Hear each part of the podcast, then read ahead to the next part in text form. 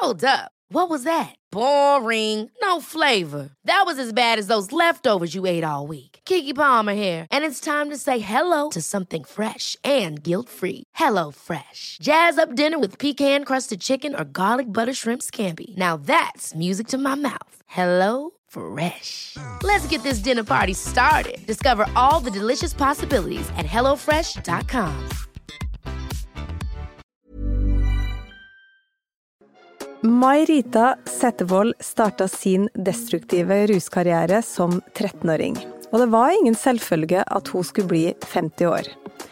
Da legene avskrev henne, mente det ikke var håp, May-Rita var på bunnen og levde på gata i Oslo kun på jakt etter neste dose, kom yogaen inn i livet hennes. Og det endra alt. I dag er trebarnsmora assisterende daglig leder på Nøsen yoga fjellhotell, og jobber som mentor i Back in the Ring, en organisasjon som tilbyr yoga for de som ønsker å gjøre comeback i livet. Det jeg er så nysgjerrig på og har lyst til å gå i dybden på, er hvordan yoga kan forandre liv så dramatisk som det har gjort for Mai Rita. Velkommen til podkasten Namaste.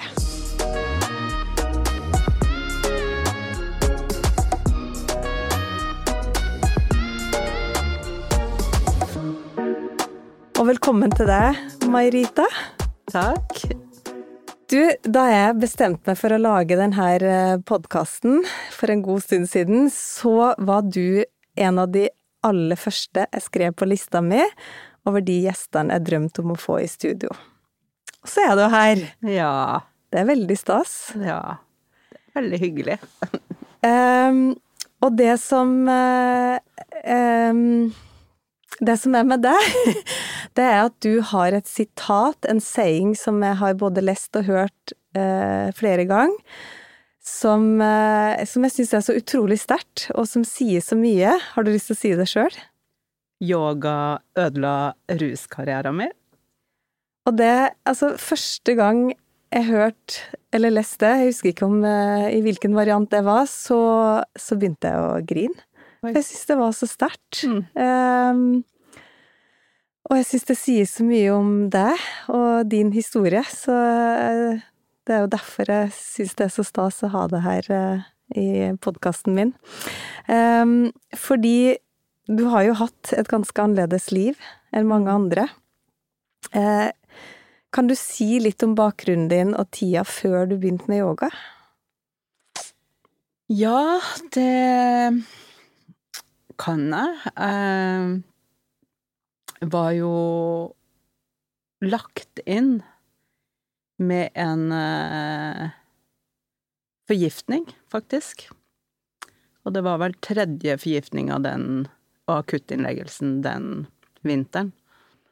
Og um, jeg traff på en psykiater der som huska meg igjen for at jeg hadde solgt liker Oslo, og han ga meg muligheten til å komme på avgiftning. Mm. Og på avgiftninga fikk jeg være i seks uker.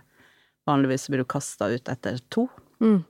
Du liksom er, forgiftninga er over, og du er klar til å og, og derifra dro jeg på Fredheim i behandling, og hadde støtteapparat fra 24-7 med ja, Sverre Eika i spissen. Fred over hans minne. Mm. Og, og, hele den gjengen der som støtta meg, fikk meg i behandling. Um, og da var jeg på Subutex. Først var jeg på Metadon, gikk over på Subutex. Og så fikk jeg ADHD-medisin. Da gikk jeg av Subutex. Og Subutex det får man for, for heroinavhengighet og sånn, da.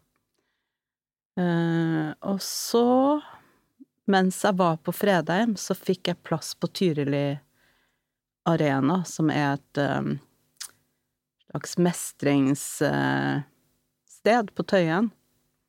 Hvor du får egen leilighet og Og det er jo som å vinne i rusbehandlingslotteriet. Ok. Tenker man. Men mens jeg var på Fredheim, så Jeg hadde så angst. Jeg var helt utafor meg sjøl, og det, det liksom Altså, det var så mye å ta tak i, og jeg ante ikke hvordan jeg skulle Hvor jeg skulle begynne, og Og så har jeg en gammel venninne som jeg hadde jobba med for mange år før det igjen, som jeg så hadde begynt litt med litt sånn alternative greier og healing og Så jeg sendte en melding til henne, forklarte henne hvor jeg hadde vært de siste 20 årene, og, og hun sa ja, kom til meg, jeg skal hjelpe deg. Eh, så Og jeg kjente liksom allerede den dagen at jeg liksom At det skjedde noe, liksom. Før du var i behandling hos henne, eller eh, Ja, så den dagen du sendte melding? Ja, bare det at jeg var noe. kommet i kontakt med henne, Mm. og at jeg kunne få noe hjelp som var utafor kanskje det som var liksom å behandle alle symptomene. Eh, og i hvert fall så kom jeg til henne, og hun drev med healing og litt sånn kopping, og ble lagt på benken der, og og jeg gråt jo aldri, men når jeg liksom kom til meg sjøl etterpå og sa oi, og du gråter aldri, du har grått nå en time. Hvordan føltes det? Nei, det var rart, og det var Ja, jeg var liksom Jeg hadde gitt opp alt, og jeg Og så sier hun til meg du skal gå til en som heter Alexander Medin, og til Back in the Ring, og så skal du hilse fra meg, men du må gå på alle timene. Jeg kjenner jeg får gåsehud bare jeg snakker om det, Mm. for det var så sterkt. Og du må gå på alle timene. Så, og da vil du få den hjelpa du, du trenger. Mm. Og, og da, før det hadde du aldri vært borti yoga eller noe som helst av den type alternativ? Mm, ja, altså jeg har jo alltid vært åpen for alternativt. Mm. Det har jeg jo. Altså jeg har jo studert Steiner-pedagogikk og eh, Ja, barna mine har gått på Steinerskolen og eh, Så jeg har nok vært, alltid vært åpen for at det er Ja. Mer mellom himmel og jord, kanskje, eller? Ja. Eh, Så da var jeg på Tyrili Arena, hadde fått egen leilighet der, og kresta meg over den dørstokken tre ganger i uka. Til eh, Back in the ring Back in the sine yogatimer. Ja. Kan vi ikke bare, eh, for de som hører på noe som da ikke vet hva back in the ring er, Mm. så kan det være litt fint å, å si noe om det? Ja. Back in the ring er en, et yogatilbud. Mye, mye mer, mer enn bare de yogaøvelsene, bare så det er sagt. Mm. Men først og fremst et yogatilbud for folk som ønsker å gjøre et comeback i livet. Mm. Så Derav navnet og Back in the ring. Mm. Back to the ring. Mm. Så Og det ligger jo litt i det òg, at det eh, Ja, du må gjøre en innsats sjøl for Ja. å komme. Gå, gå inn i ringen. Gå Man- inn i Man ringen. må tørre å fighte. Man må tørre å fighte. Mm. Um, og, og hvordan fungerer den eh, organisasjonen? Um, altså, de har da tilbud, yogatimer, et Mm. sted hvor man kan komme. Mm. Hva er kriteriene for å komme dit? Kriteriene er at du har eh, rusproblemer, Mm. eh, eller har sittet i fengsel. Mm. Du Mm. ønsker en endring. Men må du være, eh, komme dit at du er rusfri før du kommer dit, eller eh, Nei. kan du komme Nei. Nei. Så det, det er et tilbud som omfavner Ja. mange. Mm. Um, men men um, hvordan På en måte Hvor starta alt? Altså, eh, det var jo allerede i ungdomstida at du møtte rusen. Ja, det er et godt spørsmål, Mm. men um, jeg skal si, det Man plumper jo over alkohol og uh, Jeg var vel Altså, personligheten min òg er jo til å prøve nye ting og eh, Ja, aktiv. Mm. Nysgjerrig. Nysgjerrig. Mm. Mm. Så, så jeg vil på en måte ikke plassere skylda noe sted, eller Nei. Nei. Nei, det Mm. er jo tilfeldigheter som gjør til at Ja. man tar valg man gjør, og Mm. Men, men ehm, eh, For du, du kom jo dit at, eh, som du sier sjøl, at det var Du var på avgiftning. Det hadde liksom gått så langt, og over så lang tid. Mm. Eh, og, og hvordan Altså, var det veldig av og på i forhold til eh, For du har jo tre barn. Ja. ja, Eh. det har vært av og på. Mm. Og har jo hatt år hvor jeg har liksom mestra å ha barn og ruse meg som Jeg vet ikke om som vanlige folk, men, eh, men at man har mestra det, det dobbeltlivet, da. Mm. Um, og så ja, skjedde det ting, sånn at jeg havna liksom helt ut av, ut av synk. Mm. Og eh, ja, ville egentlig bare gi opp, og og fikk liksom pausen min med heroin. Ja, Mm. for det, det blir som Du sier en pause. Det blir som en sånn flukt som man går inn i. Ja. Jeg prøver jo bare å forstå, fordi Ja, ja. at jeg ikke Jeg har ikke vært, vært der selv. Man, har, man er jo eh, Alle har jo sine ting og eh, sine ting man blir dratt imot, men mm. det, det er jo det å prøve å forstå hva som Mm. gjør at man tar det ene og det andre valget. Mm. Mm. For, min, for min del så tenker jeg jo at det har også mye med personligheten min å gjøre, og at jeg jeg har, har reagert for fort på ting, da. Mm. At jeg kunne ikke da de tingene som jeg kan mer om i dag, om å ta et steg tilbake og vurdere og tenke og Ja, altså, i dag har jeg jo impulskontroll. Mm. Det, det har jeg jo slitt med veldig før. Og det er jo aldri for sent å endre seg, for det er jo du et Nei. fantastisk godt eh, eksempel på. Mm. Ehm, men hvordan er livet til en som er avhengig av rus på den måten som du sier at uh, du ble forgifta med heroin? Var det det? Ja.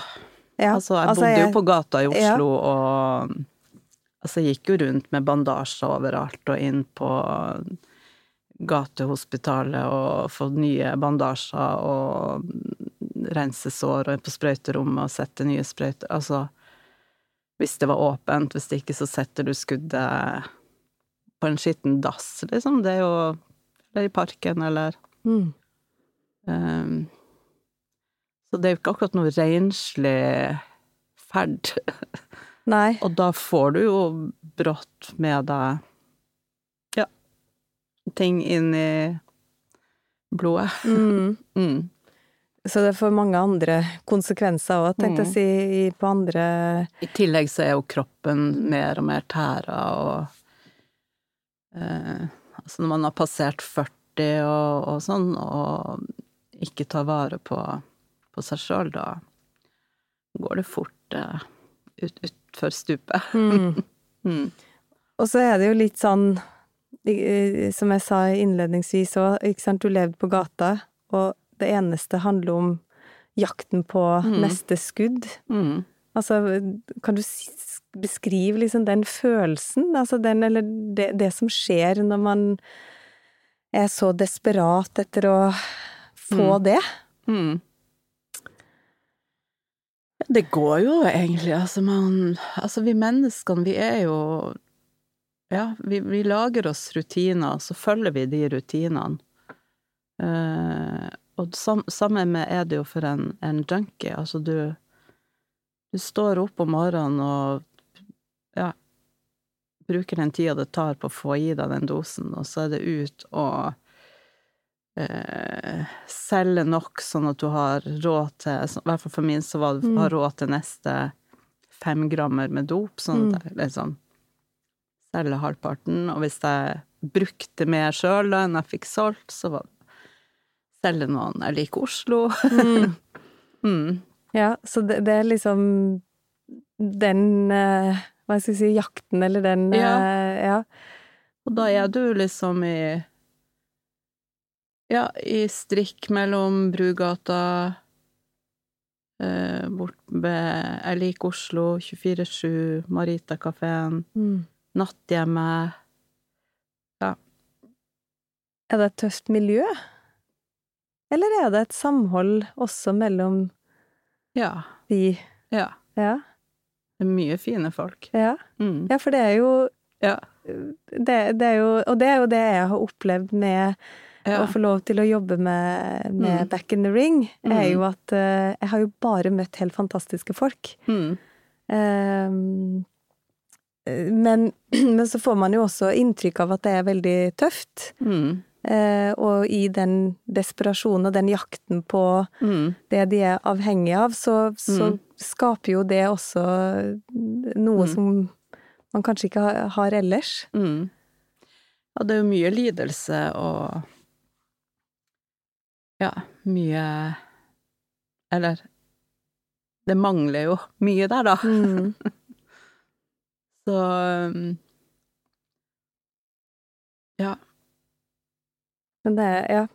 Jeg vet ikke hvordan jeg skal forklare det. Altså For min del så jeg ble veldig, veldig sliten på slutten, og jeg var sliten av at alle trengte hjelp, og at det bare var Ikke sant Det maset, det jaget, det eh, Altså all kreativiteten, kunsten, kulturen, sånne type ting er jo det er veldig lite av. Mm. Veldig mange planer, og folk har så mye de vil. Mm. Men man får jo ikke gjort det, for at man må jo inn i rutinen sin og sette det skuddet, og det tar tid, og man må ha de pengene, det tar tid. Det er jo liksom um, Det er en sånn Det er en heldagsjobb. mm. Ja, bare det å Ja. Og le legge til rette for, ja. for det neste Ja. Ja.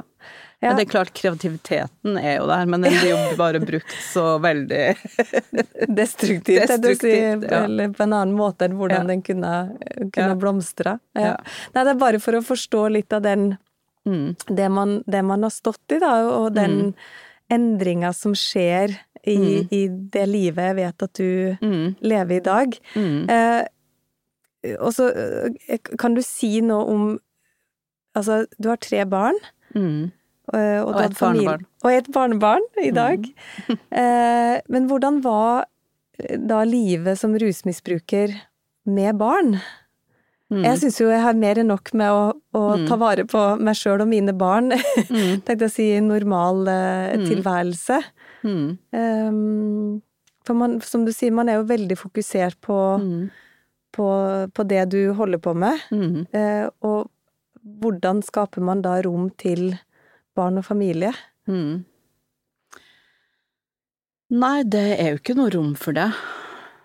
Så når uh de to eldste mine var 12 og 14, tror jeg, da tok faren over omsorgen. Mm. Og han yngste var vel syv, seks-syv. Og faren hans tok omsorgen. Faren og, og farmora. Mm. Og da Ja. Da skjedde det ting i livet mitt så jeg psyka ut. Mm. Mm. Og eh, gikk inn i min egen verden. Ja. Og da har ikke jeg hatt så mye kontakt med ungene i de årene. Mm. Uh, ja, prøvde noen ganger, men det fungerte ikke så veldig godt. Mm. Mm. Naturlig nok, tenker jeg jo at Ja. eh, ja. At som du, som du forklarer, så har man jo egentlig mer enn nok med seg Mm. sjøl i Mm. eh, mm.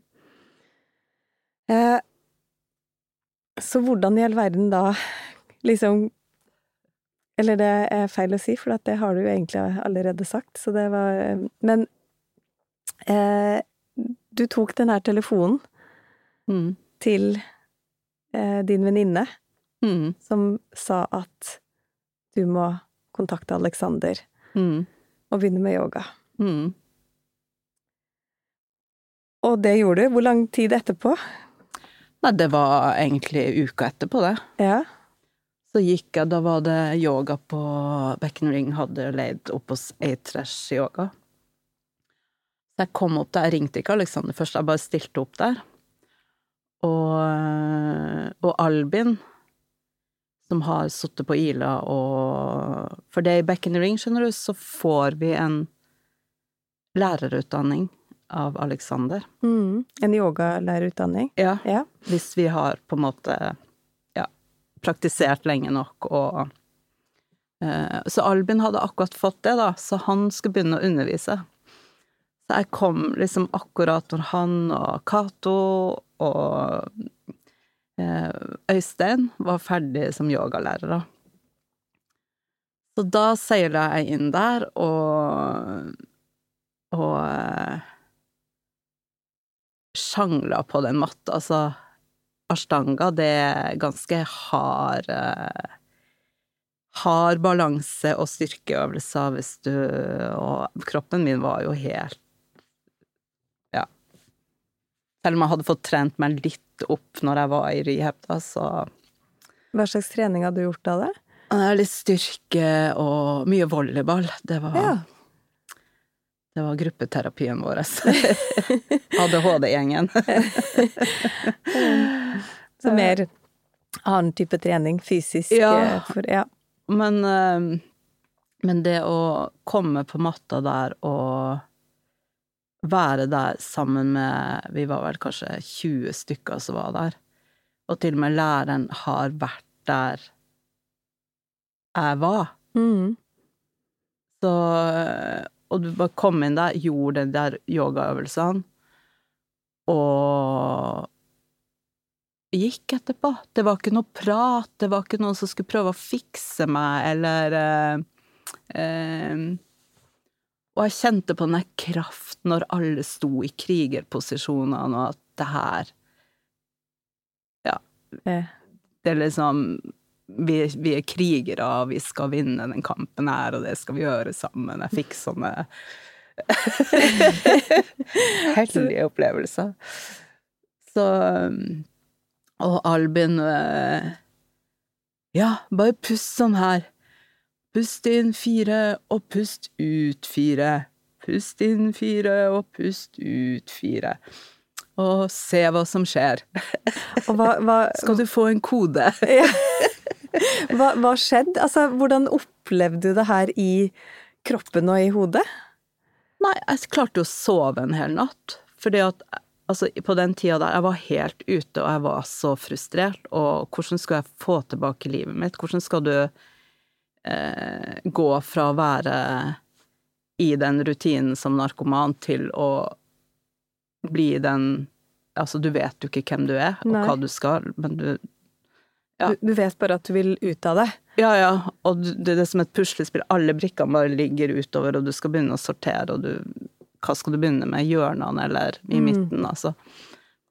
Så Så jeg hadde jo store sånne på natta hvor jeg våkna i et annet del av rommet og ja, ropte og skreik og var liksom helt ute.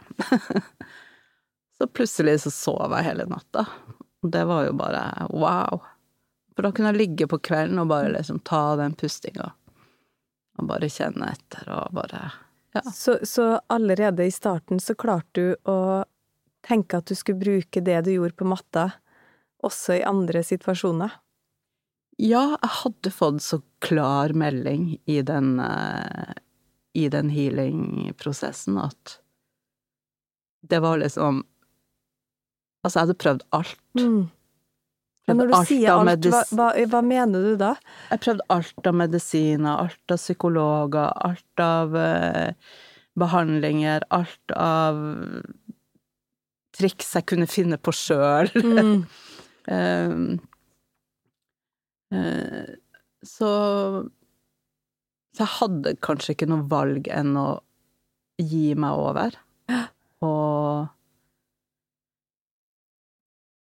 ta den Altså, og når det som Albin som, eller Cato, som, som har vært gjennom det før, og som også har heftige historier med rus, Mm. eh, står der og har Står og underviser yoga, ikke sant? Ja. Da hører du etter hva de sier. Ja, de gir deg triks, så ja, bare ok, liksom- få prøve det, da. Du skjønner at det, det har eh, gjort underverker, og, så det må jo ha vært stor inspirasjon, da, Ja. på eh, at de har klart det. ja. Mm. Og det med å også Altså, nå i dag vet jeg jo mer om pust og nervesystem og alt, men Mm.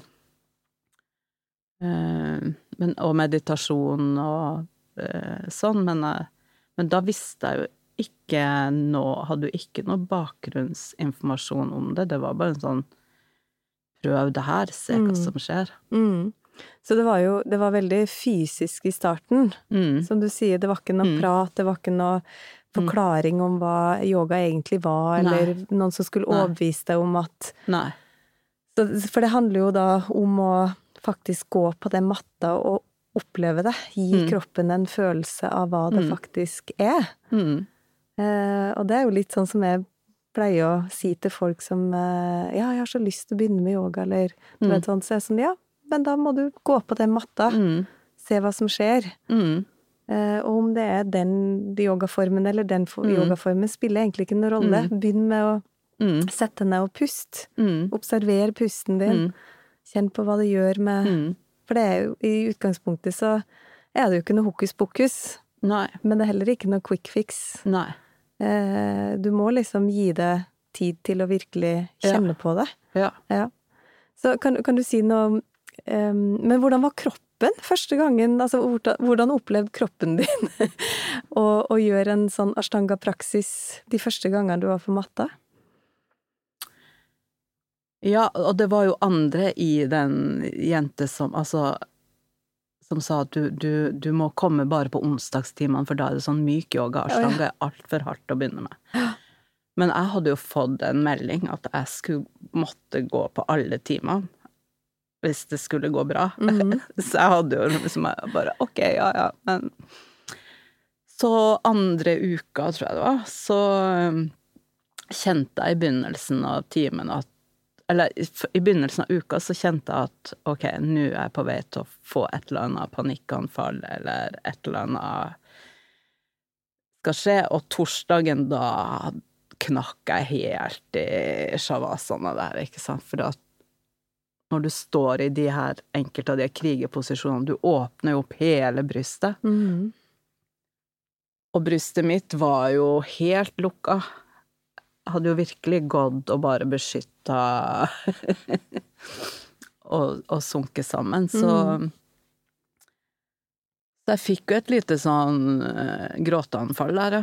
Og shavasana, for de som da eventuelt hører på her, som da ikke kan yoga, så er det jo den siste Mm. avspenninga man gjør på slutten, når man Mm. legger seg ned i Mm. dead man's pose, hvor man Mm. får lov til å bare Kjenne etter. kjenne etter. Og det er det som veldig mange syns er den mest behagelige delen av yoga, da. Mm. Vente bare på slutten, Mm. når du får lov til å legge deg ned og Mm. eh, hvile. Mm. Avspenne. Mm. For meg så har jo den, den delen av min praksis vært den heftigste. Ja. Hvorfor det? Fordi at da har ting kommet opp, og filmer har kunnet gått på eh, Altså, jeg har vært nødt til å møte det som er på innsida. Mm. Uh, og uh, gråte. Mm. Så, men heldigvis så har jeg jo hatt uh, folk rundt meg, da. Så, sånn som første gangen jeg fikk den eh, reaksjonen, så kom jo alle bare rundt meg og sa å, det her er helt normalt, og det har skjedd med oss alle sammen. Så, mm, så det, det er jo noen posisjoner som er heftige. Det har vært perioder med å gå opp i bro som har bare vært sånn Gruer meg hver dag og Ja, Ja. gråtebilder etterpå sende til mentoren min, Ellen Medin, og nå, jeg har gjort det i dag òg. Ja, fordi man, møter, man opplever jo en motstand Mm. når man vet, spesielt da når man går inn i stillinger som man vet er Mm. eh, både fysisk krevende, men også de stillingene som man etter hvert erfarer gir den type reaksjoner, da. Mm. Eh, og det er veldig fint at du sier det, fordi i, Og det er jo veldig normalt. Mm. Eh, jeg har opplevd det masse selv, spesielt i begynnelsen, Mm. At eh, jeg gjorde forskjellige stillinger, og så kom tårene. Altså det, det, Mm. det, bare, det er akkurat som du trykker på en knapp, og så begynner tårene å renne, og så Mm. vet du ikke helt hvorfor. Mm. Det er jo ikke det at liksom du er lei deg den dagen, eller det er da bare masse følelser som skal Mm. ut, som blir på en måte Mm. eh, kanalisert gjennom Mm. det at du åpner kroppen. Mm. Eh, men det er jo mange som syns det er veldig skummelt. Jeg vet jo om folk som har slutta å gjøre yoga Mm. fordi det blir for heftig, rett og slett. Og jeg husker jeg hadde ei på timen eh, på et kurs som sa at eh, vet du, jeg orker ikke det her noe mer, jeg, fordi jeg, jeg, og det å gråte hver gang jeg har vært på yoga, Ja. blir liksom heftig, da. Ja. Eh, og så måtte, man, måtte jeg jo liksom prøve å forklare at det er veldig vanlig, og at det er jo veldig fint, fordi det, det healer oss, og det på en måte er med på å rense Mm. mye av de blokkeringene og det, men, men eh, for henne så ble det for heftig, rett og slett. At hun, hun må fortsette med yoga et annet sted, det vet jeg ikke, men eh, hun tok i hvert fall en pause da, jeg husker. Jeg forstår veldig godt at folk slutter på yoga. Jeg gjør det, og eh, jeg tenker det mange ganger at fader, at jeg begynte på meg yogaen, at jeg ikke bare slutta med en gang. Jeg tenker Når egentlig det, da? Ja, jeg har gjort det noen ganger når liksom Ting er vanskelig, og ting Du må face ting. Mm. Og det er ikke alltid jeg har lyst til å face ting. Og så gjør jeg det likevel, da. Fordi Mm. at jeg holder jo på med den yogaen. så jeg tenker jo noen ganger åh, kunne jeg ikke bare røyka meg en feit en og drukket en halv flaske vin og Hadde jo ikke trengt å begynne med heroin, jeg kunne bare gjort det. Ja. Så hadde liksom Bare få en pause. Mm. Men så har jo yogaen så mye andre ting Ja, som eh, så har jeg valgt den veien, da, og har ikke tid til å røyke meg den feite og drikke den halve flaska vin, for det Altså, det skjer så mye på den innsida som, som jeg ikke vil gå glipp av. Og eh, ja, så Og det er jo sånn liksom yogaen har ødelagt ruskarrieren min. Det er jo Ja, noen ganger kunne jeg kanskje ønske at jeg fortsatt bare kunne meldt meg ut, da. mm. Sjekka Ja, ut eh, av og til, men uh...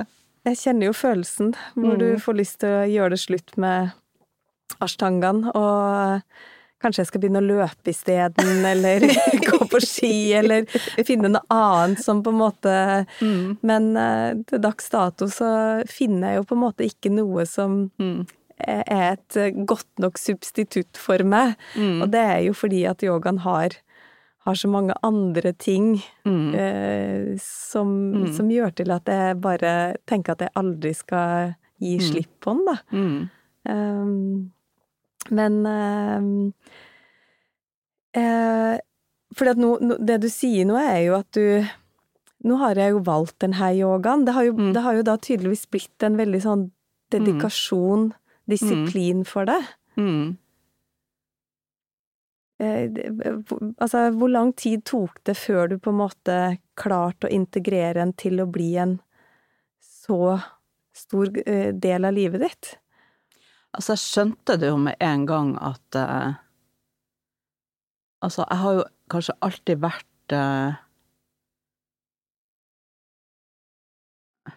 Jeg ikke, det har jo altså I forhold til å være mamma, og i forhold til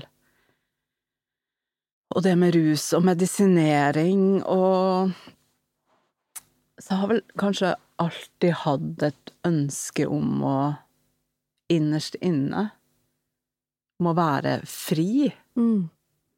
Eh, og jeg skjønte jo tidlig at yoga var Altså når vi snakker igjen om, om det å åpne opp, og, eh, og solar plexus, Mm.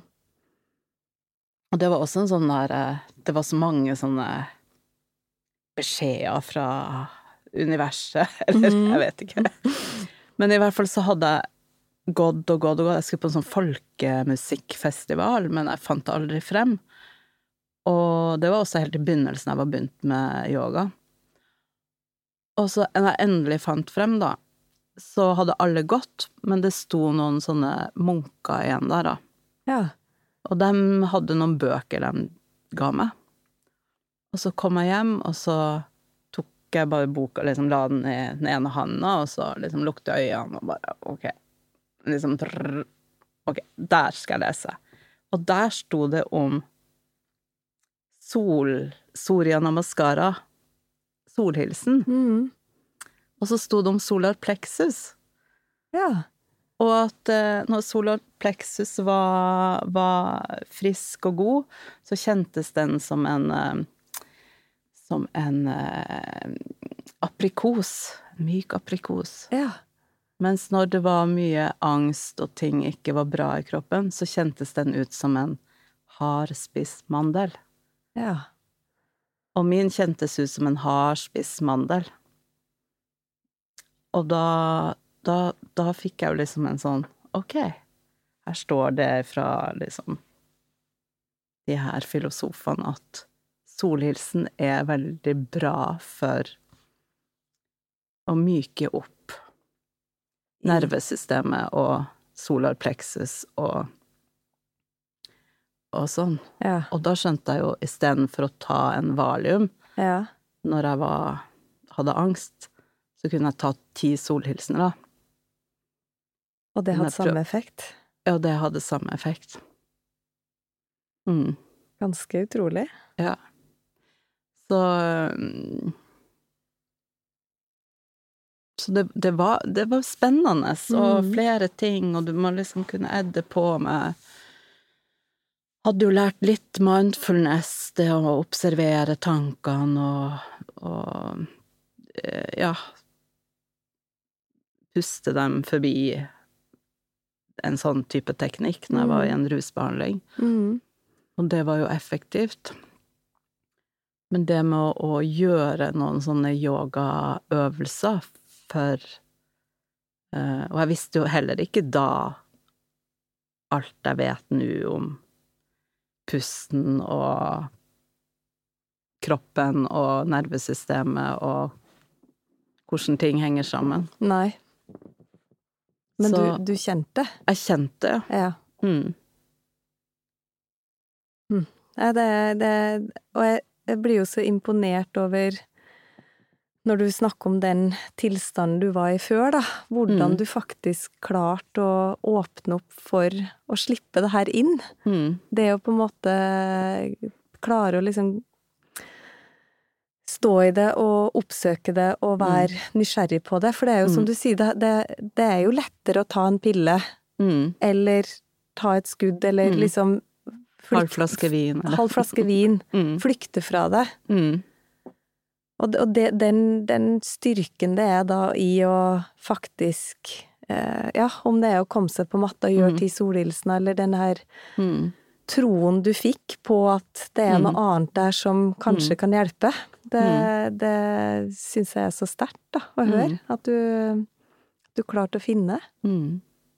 Men fortell, du begynte jo da å gå på Back in the Ring-timer i Mm. Oslo, og så tok ferden deg til Nøsen, Mm. yoga- og fjellhotell. Ja. Hvorfor kom du dit? Først var jeg der på en sommerfestival, Mm. og um, Og så dro Alexander i gang med Han ville gjerne at vi skulle ha en pilegrimstur. Ja. Så han spurte meg da om jeg ville være med på det. Hva, hva går den pilegrimsturen ut på? Da går vi fra Lillehammer til Trondheim, altså til Nidaros. Ja. Så ja ja, det sa jo jeg ja til. Å herregud, jeg tenkte ja ja, det får vi vel liksom bare Ja, altså Jeg vet ikke om det er noe gærent med, med oss i gjengen, men vi, vi sier liksom ja, og så Hadde vi visst hva vi gikk til, så hadde vi kanskje ikke sagt ja, men eh, Hvor mange dager bruker man eh, på en sånn pilegrimstur? Nei, vi hadde vel lagt opp 21 dager, tror jeg, første året, men vi klarte det på 14. Oi, ja. Så, eller var det 17-16? Da hadde vi noen, en pausedag. Mm. Men nå har vi Nå går vi i ett, så nå bruker vi 13 dager. 14 dager. Det er jo helt vilt. Ja, det er helt vilt. Ja, så da ble du Så med på første året, da Jeg var ikke helt i vater, så, så da, da haika vi litt, og vi Juksa litt, eh, faktisk. juksa litt, ja. Hysj. Nei. Og eh, Men vi var, vi var vel ni stykker, da, som, eh, som tok den turen sammen. Og, og var det da bare deltakere, tenkte jeg å si, fra back in the ring? Altså folk som var tilknytta Ja. Ja. Mm.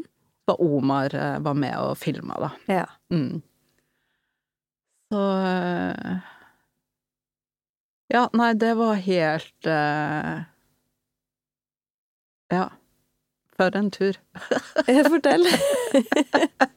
Hva er mest utfordrende med å gå eh, Altså, så lenge, tenkte jeg så langt? Ja, det er jo utfordrende. Du skal forholde deg til grupper, og du skal forholde deg til tider, og du skal forholde deg til eh, mye sånt, da. Ja. Og så, men det er jo veldig fint når du kommer i gang og går. Hvordan er kroppen eh, Nei, det er vondt Underveis, første ti minutter, kvarter til du får gått i gang gnagsårene. Så går det greit. Og så går man med gnagsår, da? Ja, eller Altså- første året så hadde jeg Jeg hadde ikke fått kjøpt meg noen klær eller noe utstyr, ingenting, jeg. Så jeg Jeg kom i et par sko jeg hadde kjøpt på billigsalg til 200 kroner. Ja. Så jeg hadde egentlig ingen gnagsår første året. Okay. Men det var kanskje fordi jeg haika så mye, jeg vet ikke.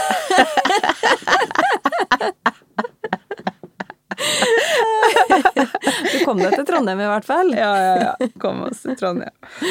Mm. Så nå er jeg jo med, har jeg jo vært med Nå har vi jo vært fem år. Ja. Og nå er jo jeg med som eh, Som eh, kokk. Okay. Jeg lager mat, altså. På alle stedene gruppa kommer. Og i år var vi 30 stykker. Og hvor stopper man? Altså, hvor bor man og sover og Ja, man bor på en camping eller på sånn pilegrimsherberger og Så du vet jo aldri hva du har slags kjøkken den dagen, og du bare tenker ja ja, det her har jeg ikke gjort før, men det går sikkert bra. Fantastisk. Og så siste dagen så kommer du på Å, jeg kunne jo egentlig bare kjøpt sånn ferdigpose med Toro, men eh, det Ja, hva slags mat lagde du underveis? Å, det var alt mulig. Grønnsaker med saus og ris og store gryter og grilla jo vi, og fisk hadde vi hatt en dag, og mm. Så nå er jeg jo med som backup-team, og Alex drar, drar dem av gårde, og Alex, Albin og Stian og dem som har vært med i alle år, Cato, drar dem over fjellet, og så er jeg klar da med å ha sjekka oss inn på nytt sted og Ja, så, da, så du går ikke hele Nei. pilegrimsvandringa lenger? Nei. Nei. Så du er mer uh... Jeg brakk foten, skjønner du. ja. Når?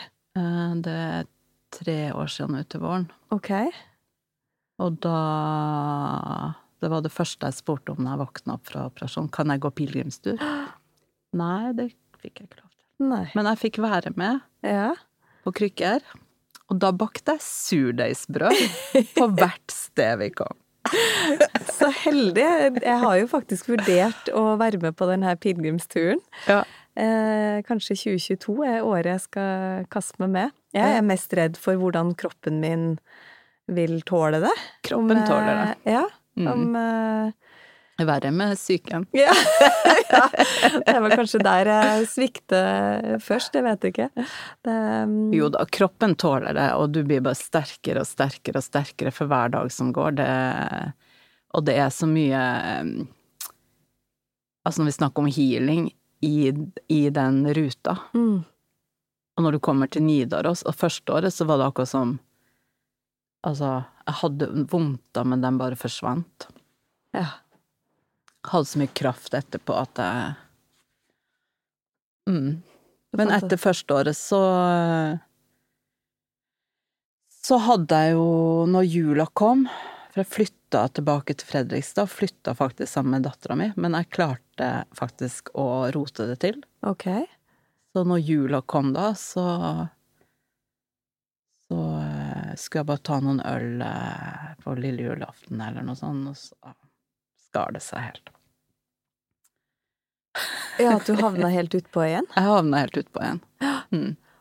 Og da, det du sier da, er at da er terskelen for å gå tilbake i det gamle mønsteret veldig liten, da, eller? Ja. Ja. Det tar så lang tid å bli fullt og helt eh, Altså ut av de rutinene, Mm. og til å bli Hvem er man, liksom? Man vet Ja. det jo ikke. Man, det har man jo glemt. Ikke, altså, hvis man har brukt 20 år på de På det kjøret, da, Mm. så tar det tid. Ja. Og så- det er jo så paradoksalt. Man, plutselig har man alt der, da. Kontakt med barna sine og alle muligheter åpne, og så likevel så snapper man ut og eh, gjør noe annet. ja. Og, og hvor havna du da, tenkte jeg å si? Hva, hva skjedde da? Nei, da var jeg tilbake til Oslo og gikk på timene til Albin og Cato. Men på vei bort til de timene så putta jeg jo i meg ting nede i Brugata, for jeg måtte gjennom Brugata for å komme meg dit. Ja. Men eh, da sa Albin til meg nå syns jeg du skal ringe Alex og be om å få komme på Nøsen. Så det gjorde jeg. Ja. Så sa Alexander greit, jeg kommer til Oslo i morgen eller i overmorgen og kan være med opp. Så når jeg skulle møte Alex da, så sa han bare nei, kan ikke være med opp. Nei, fordi du var rusa. Jeg var rusa, ja. Og Alex har høy terskel for å ta med folk opp til Nøsen, altså. Ja. Eller lav terskel, eller hva, hvordan man sier det. Så, men da to, sa han du får skjerpe deg, og så kan du ta bussen opp på mandag. Og så gjorde jeg det. Klar beskjed. Ja. Men det er jo klart, altså Alex kjente meg jo fra den pilegrimsturen, og jeg var ganske slitsom person eh, på den tida da, altså. På hvilken måte? Nei, jeg kjørte jo liksom mitt eget løp og var jo Hadde jo ingen Jeg var den siste som sto opp om morgenen og Ja. Jeg var liksom helt ute. Mm. Ja. Så på det tidspunktet så var du ikke Hva skal jeg si Du var jo clean, tenkte jeg å si. Du, jo, du var jo rusfri da, men du Ja, hadde ikke Ja, jeg hadde vel ikke vært rusfri lenge nok, eller Nei. var vel ikke 100% ferdig rusfri. Nei. Så jeg vet ikke hvordan jeg skal forklare det, men Nei. eh, da kom jeg i hvert fall opp til Nøsen, da. Ja, så du to, satt deg på bussen Satt meg på bussen. noen dager etterpå. Ja. Ja.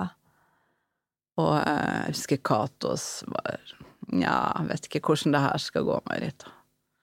Du vet du må opp seks om morgenen og praktisere nå og Hva tenkte du da? Jeg tenkte ok. Altså, jeg skjønte vel alvoret. Mm. Og eh, jeg hadde jo medisiner og sånn, da. Ja. Så jeg gikk jo på amfetamin som jeg hadde fått av legen. Og Sobril som jeg òg hadde fått av legen. Mm. Og hvordan var den første tida da på Nøsen? Ja, Eva sier at uh, hun brukte mye tid på å finne meg. Gjemte Men jeg deg? husker ikke det, så det tror jeg bare er tull. Ok. Hvor var du da, når du ikke fant det? Ja, ja, men prøvde du å da snike unna, eller var, var det det at du trengte Ja. tid for deg Nei, jeg hadde vel veldig som jeg skulle gjøre det på min måte, og ja. Så, ja, syns vel liksom Jeg husker jeg var veldig mye irritert. Ja. Veldig mye irritert. Og deprimert. Mm. Og ja.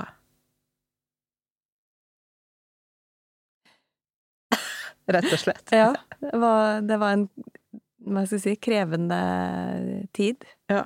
Hvor lang tid eh, tok det før du på en måte begynte å kjenne en endring i det? Nei, etter 14 dager så Og kanskje før det òg, så var jeg ferdig med alle medisiner, og da leverte Altså, Alex visste at jeg hadde medisiner, men jeg bare gikk til han og ga han det og sa at nå er jeg ferdig, liksom. Ja. Og så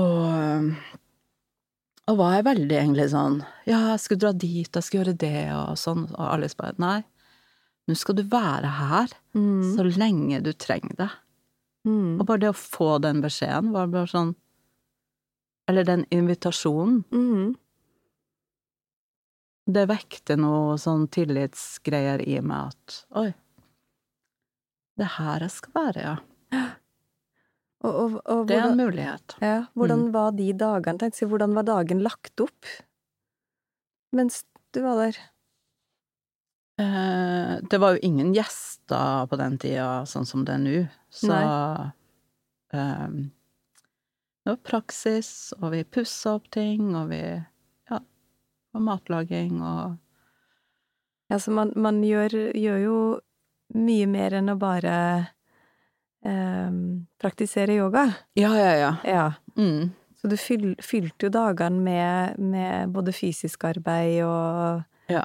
eh, Yoga. Ja, og Mm. det, hva skal jeg si, eh, samlinga med de andre som, Mm. som var der. Mm. Mm. Så det var jo på våren, og så fikk jeg faktisk lov å begynne på teacher-treninga. Ja.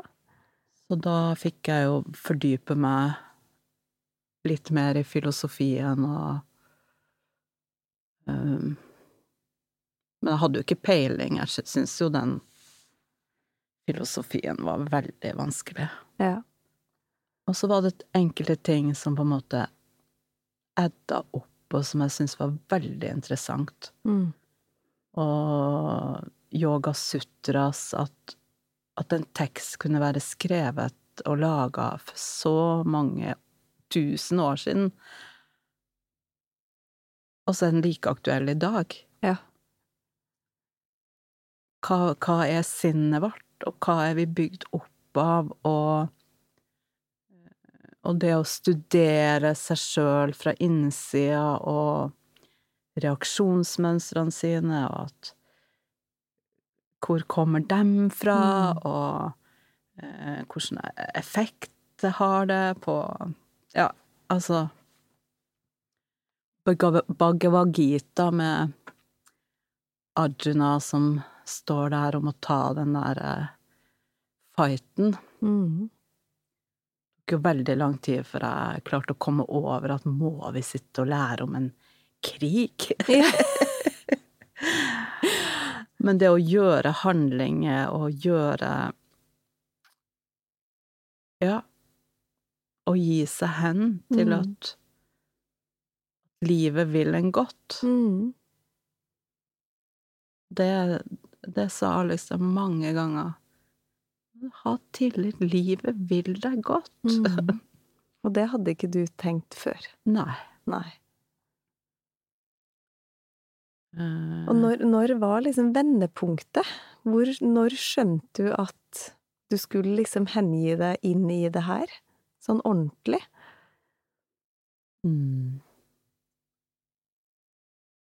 I går. Det er jeg litt usikker på om jeg tror på, men For du har jo gjort eh, store forandringer nå i, i mange år. Mm. Mm. Eller kanskje ikke har vært et eh, Kanskje det har kommet gradvis. Jeg Mm. vet ikke, men det er ikke sånn at du husker at det er Nå på et tidspunkt at du liksom mm.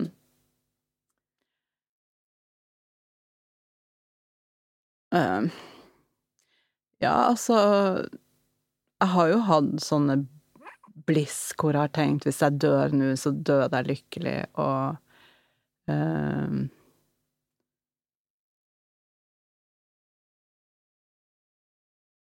Og vendepunkt Altså, jeg tror egentlig at det har kommet veldig gradvis. Mm.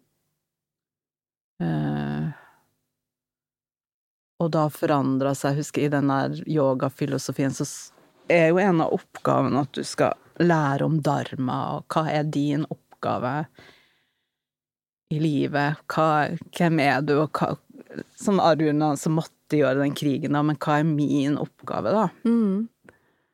Og da jobba jo jeg på kjøkkenet og hadde jo gått all in i surdeigspsykosen min.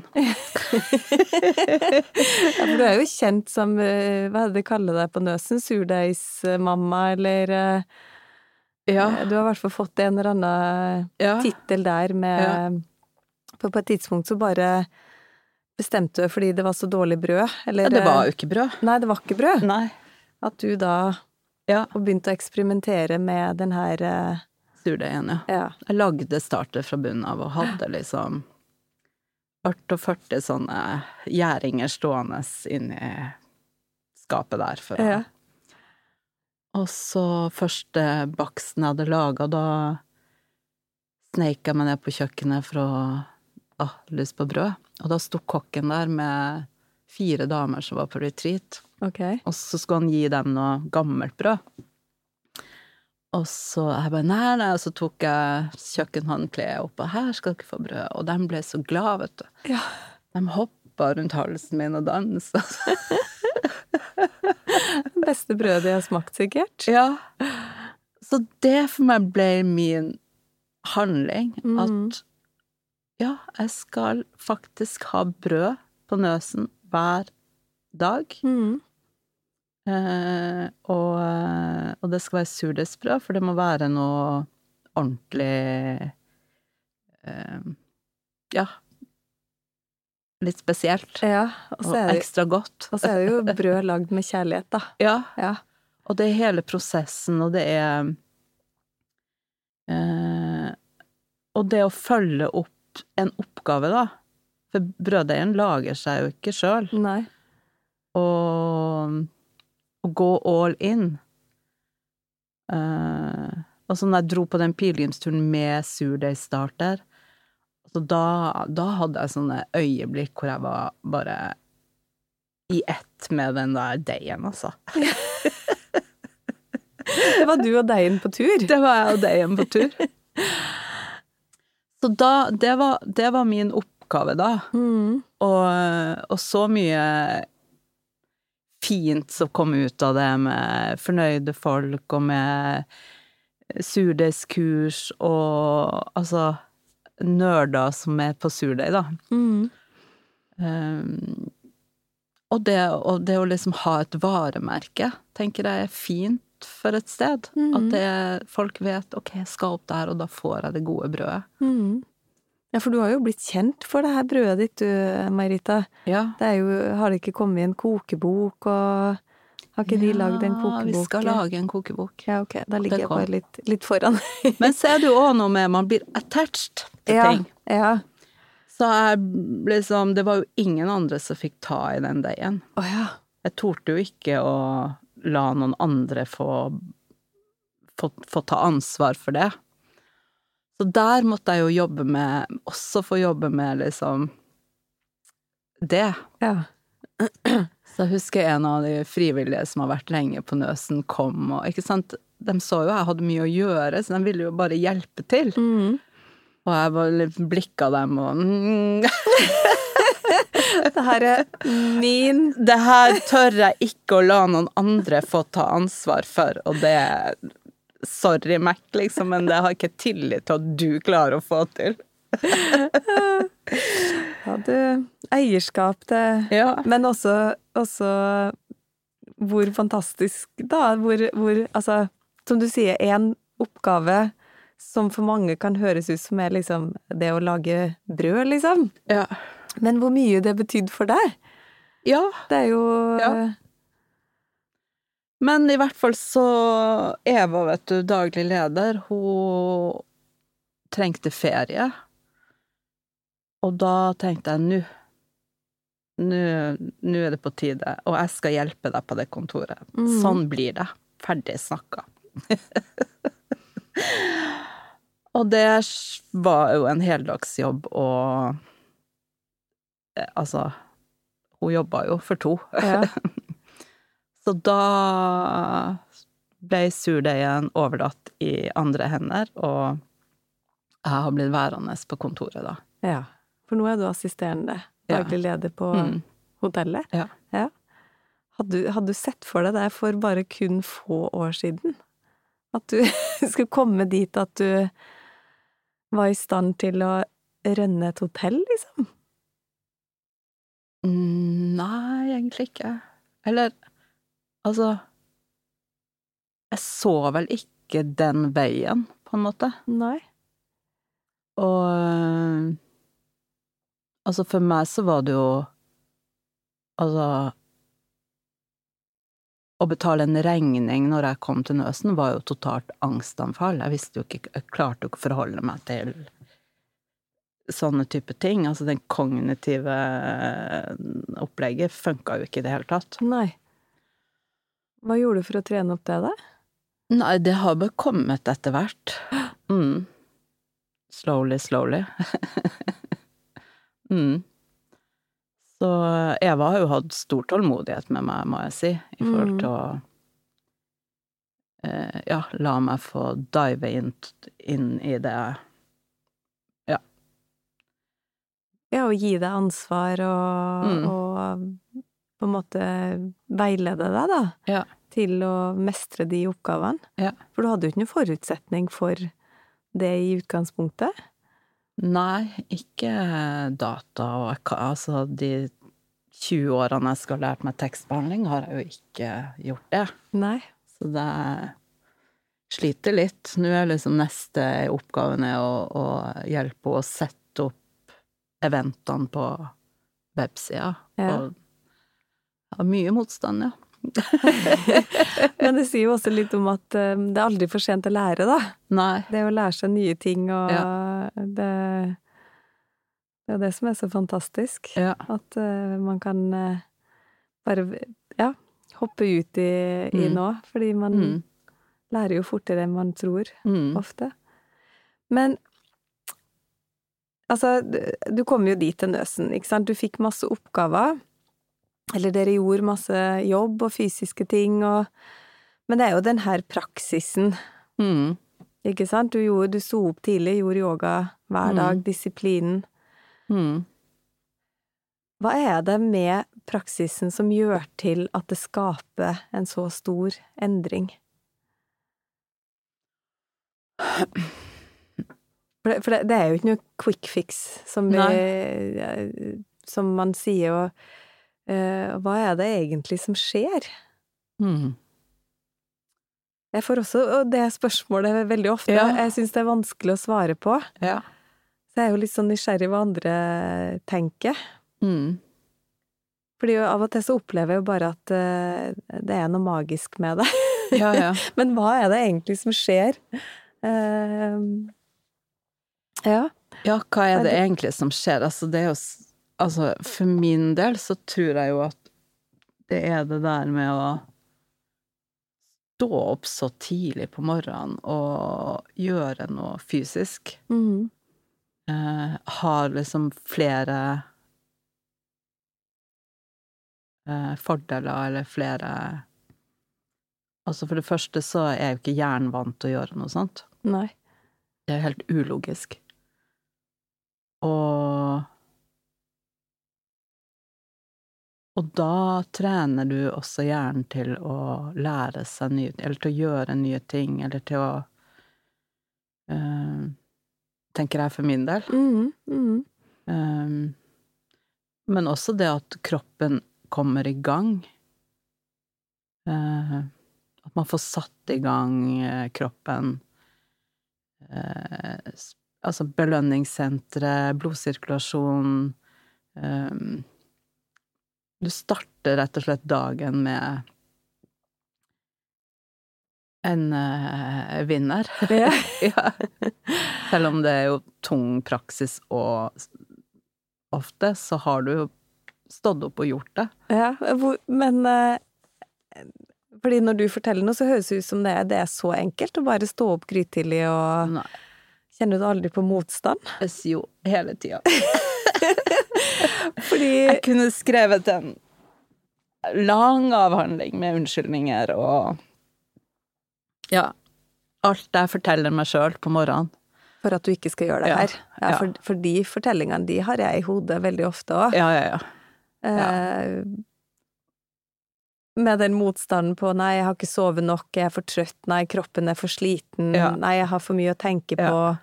'Jeg har så mange ting jeg skal gjøre, jeg må gjøre det isteden'. Ja. Altså, det er jo et hav av unnskyldninger for å egentlig ikke komme, komme seg på matta. Mm. Så, og det handler jo om den disiplinen, da. Mm. Og da, hvor viktig er det da eh, å, å ha den disiplinen, ha den um, ja, hva skal man Den dedikasjonen da, som gjør til at man faktisk gjør det likevel. Mm. Ja, hver gang du kommer deg på den matta og tråkker igjennom egne unnskyldninger, så er du en seier i banken. Ja. Mm. Så um, Jeg tror det bygger opp mestringsfølelse, og det bygger opp eh, Altså, man observerer Mm. hvor mye løgner og historier man forteller til seg sjøl. Om seg sjøl. Mm. Og det kan jo gå ganske langt. Mm. Du er ikke verdt det. Nei. Hvorfor skal du det? Mm. Eh, altså Og da, hva skjer da når du faktisk kommer på matte? Er man bare i gang? Jeg prøver liksom Ja. For de ja da, jeg har fortsatt veldig stor motstand for å få den der jevne Jevne, daglige praksisen. Det, det har jeg. Så um, Jeg tenker at hvis man får gjort noe praksis, da mm. um, Og kanskje ikke alt handler om den fysiske praksisen, Mm. Um, at man har andre ja, praksiser i ja, det å se innover. Mm. Ja, jeg personlig har jo med årene blitt mye flinkere til å um, i hvert fall prøve å kjenne på hva jeg trenger. Mm. Og i perioder så har jeg jo masse energi og kan liksom gjøre den her fysiske Mm. praksisen helt ut. Mm. Eh, men så har jeg jo også perioder hvor jeg er, ent- som jeg sier, enten veldig sliten, eller at jeg Mm. kjenner at den energien er ikke der. Mm. Men det å likevel ta seg noe tid til å sjekke inn, da, den her Mm. daglige innsjekken som du Mm. også snakker om, og, og om det da er å bare rulle ut matta, sette seg der og puste i fem Mm. minutter, Mm. og så kanskje legge seg ned i shavasa, den her avsluttende delen, i noen minutter, og bare da jeg, jeg merker jo bare det gjør jo en stor Mm. forskjell. Mm. Så, så det å ikke, fordi jeg har jo hatt perioder hvor jeg, hvis jeg ikke gjør en og en halv time eller to Mm. timer med fysisk praksis, så har jeg liksom Mm. ikke gjort det godt nok Mm. i dag. Mm. Og, og, og hvis det her skal Mm. være en bærekraftig, Mm. langvarig praksis, som jeg Mm. ønsker at det skal være, da, Mm. som skal være med i livet, det, skal jo Mm. være et verktøy Mm. Som skal tilpasses livet Mm. vårt, Mm. og at, for å liksom passe på at yogaen ikke tar helt overhånd også, for det jo, Mm. har jo jeg opplevd òg, at det, det er lett for det. Mm. så er det det å prøve å justere liksom, hva trenger vi? Hva Mm. trenger jeg i dag? Kan være noe helt annet enn det jeg trenger i morgen. Men for meg så har det bare vært blitt viktig å ha det her pust, bitte lille pusterommet, eller litt lenger, eller Ja, og det yoga er jo Altså, du kan ha en to timers praksis, eller en fire timers, eller en halvtime, men Men hvis bare yogaen ble der, da, så hva er vitsen da? mm, Yoga handler jo om livet. Ja. Om å være god og gjøre godt. mm, Og bidra, mm, tenker jeg er yoga. mm, Eh, å være hel. Og ekte. Uh, uredd. Mm. uh, Så, så det du tørre å stå i, i seg sjøl. Ja. Og det handler jo om da hvordan du tar det du på en måte praktiserer på matta, Mm. oppdage og lære der, ut i livet. Mm. Mm. Er det det du Ja, det òg, men også det å gå inn i Hvem er jeg? Hva gjør jeg her i verden? Hva eh, Hva vil jeg med livet? mm. Um, hva, hva, hva drømmer du om? ja Jeg er veldig takknemlig for det livet jeg har, og jeg er frisk. Eh, Mammaen min er frisk. Mm. Barna mine er friske. Eh, hele det yogamiljøet jeg har rundt meg, som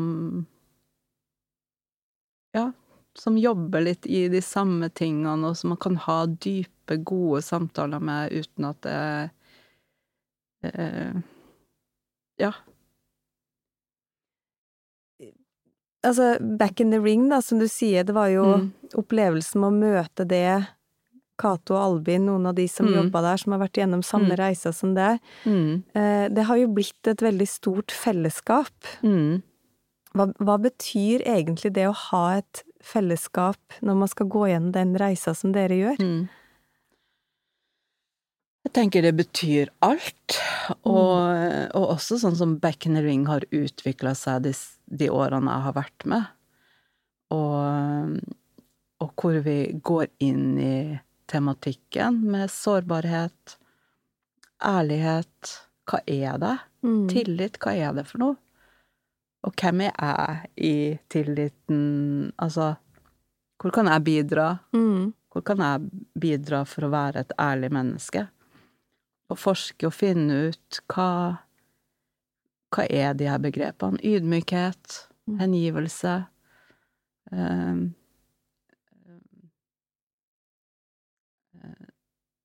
Og det er samtaler vi tar i Back in the Ring.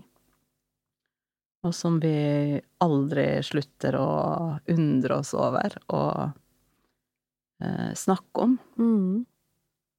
Eh, Så, så det er jo tematikk som vi går igjennom når vi er på pilegrimstur eller har festivaler, samles på landsbasis. Mm. Um, og i de forskjellige gruppene i byene. Og det, det å gi tillatelse til å være et sårbart menneske, da. Mm. Og det Det å møte folk som på en måte kanskje har vært gjennom det samme, Mm. eh, som, som forstår en, da, hva, hva han har Mm. vært igjennom. Mm. Jeg husker jo når jeg var så heldig å få bli involvert i det her, så var jo jeg veldig uvitende på Det er jo derfor jeg Mm. Prøver å grave litt i, ikke sant. Det, Mm. det, det er et så annerledes liv, da. Det som, Mm. som du for eksempel har levd eh, Mm. før. Nå føler jeg jo at vi lever ganske likt liv. Ja. eh, men derfor så blir jeg jo så, så nysgjerrig og har, har lyst til å forstå, Mm. lyst til å lære liksom Mm. og litt om da hvordan hodet vårt fungerer, ikke sant. Hvorfor havner noen der, hvorfor Mm. havner noen Men det å se og lære at noen Mm. eh, endrer retning så dramatisk og liksom eh, men, men noe av det jeg også opplevd, og opplever fremdeles, er jo det her fellesskapet og det her samholdet Mm. med den gruppa som jeg syns er så fint. Mm. Eh, og det er veldig sånn gjensidig respekt, og om du har på en måte vært der eller der i livet, Mm. spiller ingen rolle. Og det er Mm. sånn, jeg har jo også min bagasje, Mm. Som både ikke er så stolt over, eller Mm. at jeg føler skam over, og Mm. som jeg kan da få lov til å, å komme inn med i den gruppa, Mm. og, og møte den Mm. respekten og sånn, og det, det er jo Mm. noe av det jeg syns har vært så fint. Mm. Eh, Og det tenker jeg må Mm. være så viktig når man Mm. skal gjennom en så stor Mm. eh, dramatisk endring, da. Mm. At man faktisk møter folk eh, som, som viser respekt. Mm. Selv om man har på en måte vært på, Mm. hva kaller man det, skråplan, eller uh, har uh, vært et annet sted i livet. Mm. Ja, og det er jo det som er så fint med Back in the Ring, da, at uh, at det, vi stopper aldri å undre oss over de temaene, og, og at det er, som jeg sa i yogafilosofien, med Yoga Sutras, hvor det blir beskrevet eh, så fint. Mm. og det er skrevet for mange tusen år siden. Mm. Og da vil jeg jo si at vi alle bærer på avhengigheter og destruktivitet, lidelse. Hvis vi gjør det, så blir det sånn Altså, det er noen årsak-virkningsforhold her. Mm. Og, og sånn vil det alltid være. Mm. Selv om jeg nå kan sjekke ut og si at yoga ødela ruskarrieren min, så kan jeg jo ikke sjekke ut og si at nei, nå kan jeg bare stoppe og holde på med yoga. Nei.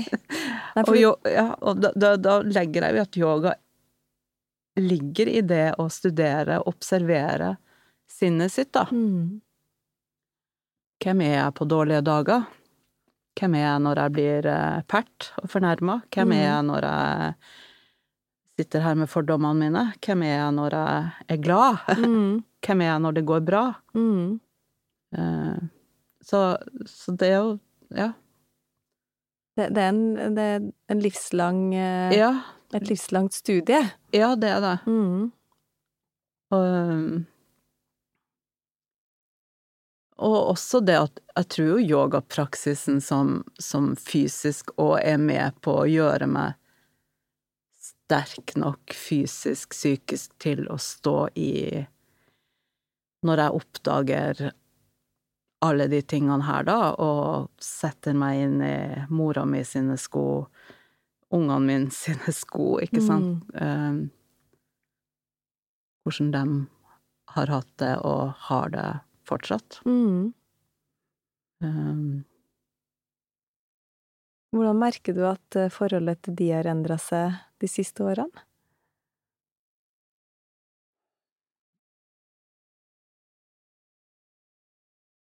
ja Altså, dattera mi, hun er ganske tøff og direkte, og første jula når jeg hadde vært eh, rusfri, hun bare ja, ja, snakk til meg om etter fem rusfrie juler, du. Mm. Så um, Men det har jo, de kommer jo til Nøsen og er mye roligere når de er der og avslappa. Mm. Um,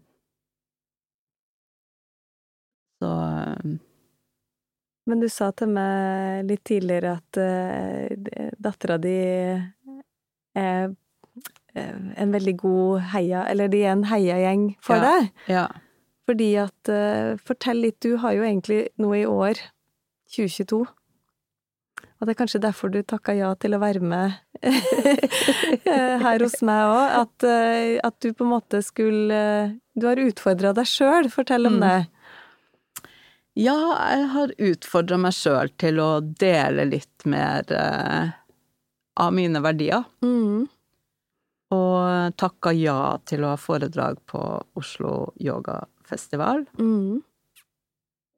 Only me, mm. alene der oppe. og dattera mi ringte og sa 'mamma, mamma, nå er du all over the Facebook'. Og det er så kult, og jeg husker for ti år siden jeg var med deg på et møte med lege og Nav og LAR og hele sulamitten, og du sa at du ville rundt på skoler og snakke om rus og sånn, og dem sa nei, det, det kommer aldri til å skje. Og nå gjør du det, mamma! Hva kjenner du på da, når hun sier det? Jeg kjenner jeg blir glad, og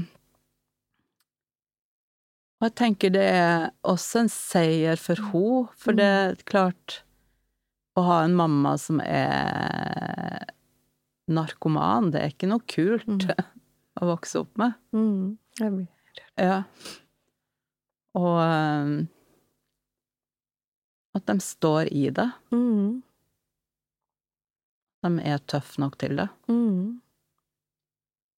Um, Men det må jo være fantastisk for de å se den her reisa du har eh, Mm. gjort, og, og det, Mm. den jobben du har gjort, da. mm, Det er jo eh, Fordi det, det er sikkert veldig frustrerende å stå på utsida og ikke klare å hjelpe mm, også, mm, som pårørende mm. i en sånn situasjon. Men dattera mi begynte jo med yoga når hun var 18-19.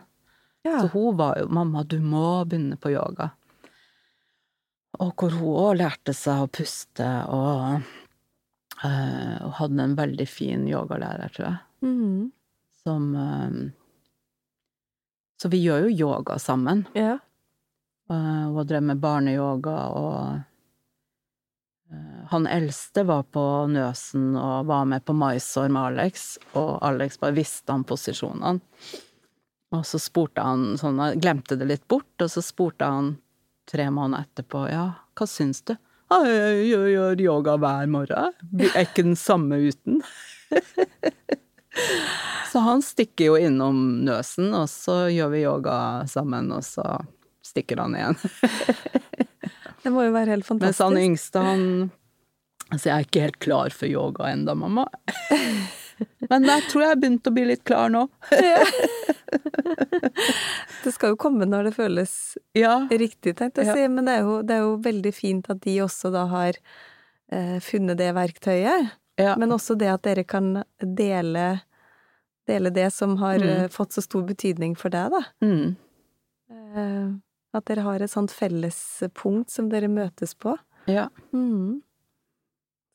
Så mamma og hun sier jo Men hilse Alexander og si at eh, den yogaen dere gjør, den funker på meg, og jeg sover mye bedre om natta. Og hvor gammel er mammaen din? Var 70. Ja, ikke sant? Det er aldri for sent, egentlig, å si, det Mm. er jo ikke alder eh, ingen hindring. Nei. Mm. Um,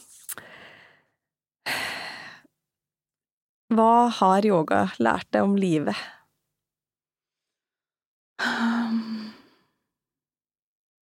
Ja, yoga har lært meg at uh, livet kan snu totalt.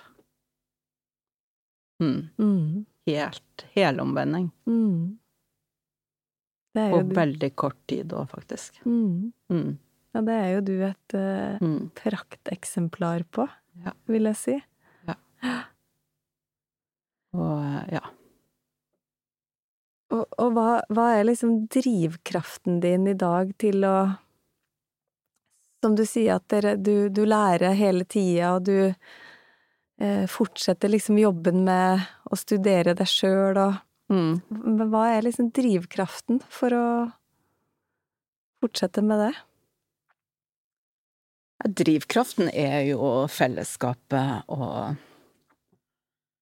eh, Alexander og Ellen, eh, Eva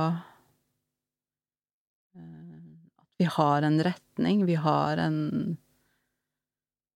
ja, felles eh, drive på at Mm. vi vil noe mer, og vi vil eh, Vi vil eh, Vi vil at, at tilbudet skal anerkjennes nå i rusomsorgen. Mm. Vi vil Altså, vi vil vise verden, Norge, at, at yoga funker. Mm. At det må Det må skje nye ting innen rusomsorgen. Mm. Kan ikke bare medisinere folk og gi F i fine, fine mennesker. Mm. Og fine, fine familier, ikke Mm. minst. Mm. Det, det største drivkraften nå til å Jeg kjenner jeg blir gira. Jeg kunne jeg, kjenner, jeg kjenner kraften helt Mm. dit. Og det med yoga, å, komme inn i kroppen sin. Mm. Og med ashtanga-yoga, ja, det er en fysisk praksis, men, men uh, veldig mange av oss rusmisbrukere er veldig urolig. Uh, og trenger en litt sånn fysisk praksis som, som, som det er litt tempo i. Samtidig som du skal jo ha en ro i det. Det Mm. kommer etter hvert. Mm. Og ja Kunne være med og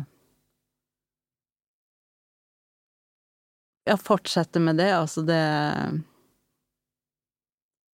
Det er helt eh, Det er en drivkraft. Mm. Em, jeg avslutter jo de her eh, samtalene med å spørre gjestene mine om de har et tips eller et råd som de har lyst til å dele. Hva er ditt beste tips, Marita? Mm. Mitt beste tips må vel være å gjøre litt yoga hver dag, da. Mm. Ja, og um, Ja, ikke gi seg. Gi Mm. seg sjøl rom og tid, og Ja. Finne noen som kan gå ved siden av deg, Mm. noen som har gått foran deg. Mm. Mm. Bra. Tusen takk for tips. Og det tenker jeg nå som alle kan eh, ta med seg videre. Mm. Og det, vi trenger jo, og vi trenger jo en påminnelse også. Mm. Jeg får jo veldig ofte spørsmål med ja, men jeg har så lyst, men hva skal jeg gjøre? Mm. Det er sånn, som du sier, jeg gjør litt yoga hver dag, Mm. men folk vet jo ikke helt hva de skal gjøre. Nei. Det er jo mange fine yogakurs nå for tida, da. Mm. Kan komme opp en tur til Nøsen, for Mhm. eksempel. Mm. Jeg har jo en eh, skriveretreat sammen med Åsmund Seip Ja, på gang. hva gjør dere der?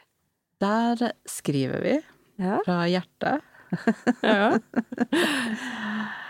Eh, og det kan jo være skummelt for mange.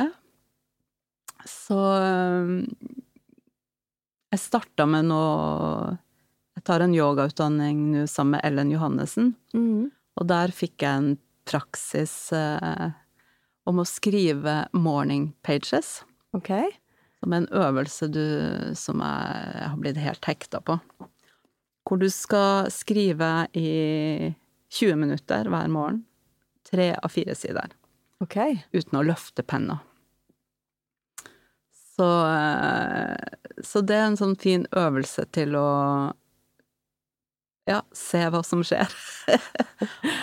Og man avslører egentlig veldig mange av stemmene i hodet som sier at du ikke er bra nok, og det her går ikke bra, og det her kan du ikke, og eh, Så det å kunne gi plass til egentlig alle stemmene sine, Mm. tillate dem å være der, men også tillate de stemmene som sier at det her kan du, og det her klarer du, det her blir fint. Mm. Så eh, Åsmund har jo en del erfaring med skriving Mm. utover det. Eh, Så det skal vi forske litt i, uten å Med lave skuldre og samtaler og lek og Og så skal jeg ha litt eh, myk intro til yoga. Så Og det foregår på Nøsen. det skal foregå på nøsen. Mm. Fikk jeg reklamert litt Ja. Men det er bra. Vi kan aldri reklamere nok for Nøsen, som er det, jeg, jeg må si Mm. at jeg syns det er kanskje et av Norges eh, altså vakreste sted. Det er nå én ting, men Mm. det som eh, eh, foregår der, av, Mm. som du sier, med fellesskap og med Mm. muligheter for å utforske både kropp og sinn, Mm. eh, er et fantastisk tilbud som eh, Mm. enda flere må få vite om. Mm. Så det tenker jeg er veldig fint. Mm. Tusen takk for eh, tips og for praten, og jeg har så lyst til å avslutte med å si at jeg beundrer deg så mye. Og jeg så Jeg har så stor respekt for den reisa som du har vært igjennom, og, og takknemlig for at jeg har møtt deg og har fått Mm. muligheten til å lære deg å kjenne litt. Og forhåpentligvis bedre etter hvert. Så du er virkelig til en stor inspirasjon for, eh, for både meg, og jeg er sikker på at mange At du vil berøre mange. Mm. Så tusen takk for at du kom, Marita.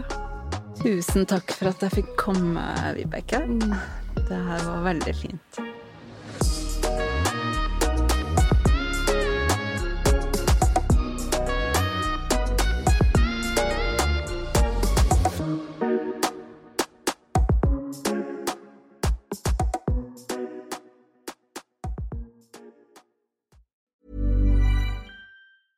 Ever catch yourself eating the same flavorless dinner three days in a row? Dreaming of something better? Well, HelloFresh is your guilt-free dream come true, baby. It's me, Kiki Palmer. Let's wake up those taste buds with hot, juicy pecan-crusted chicken or garlic butter shrimp scampi. Mm. Hello Fresh.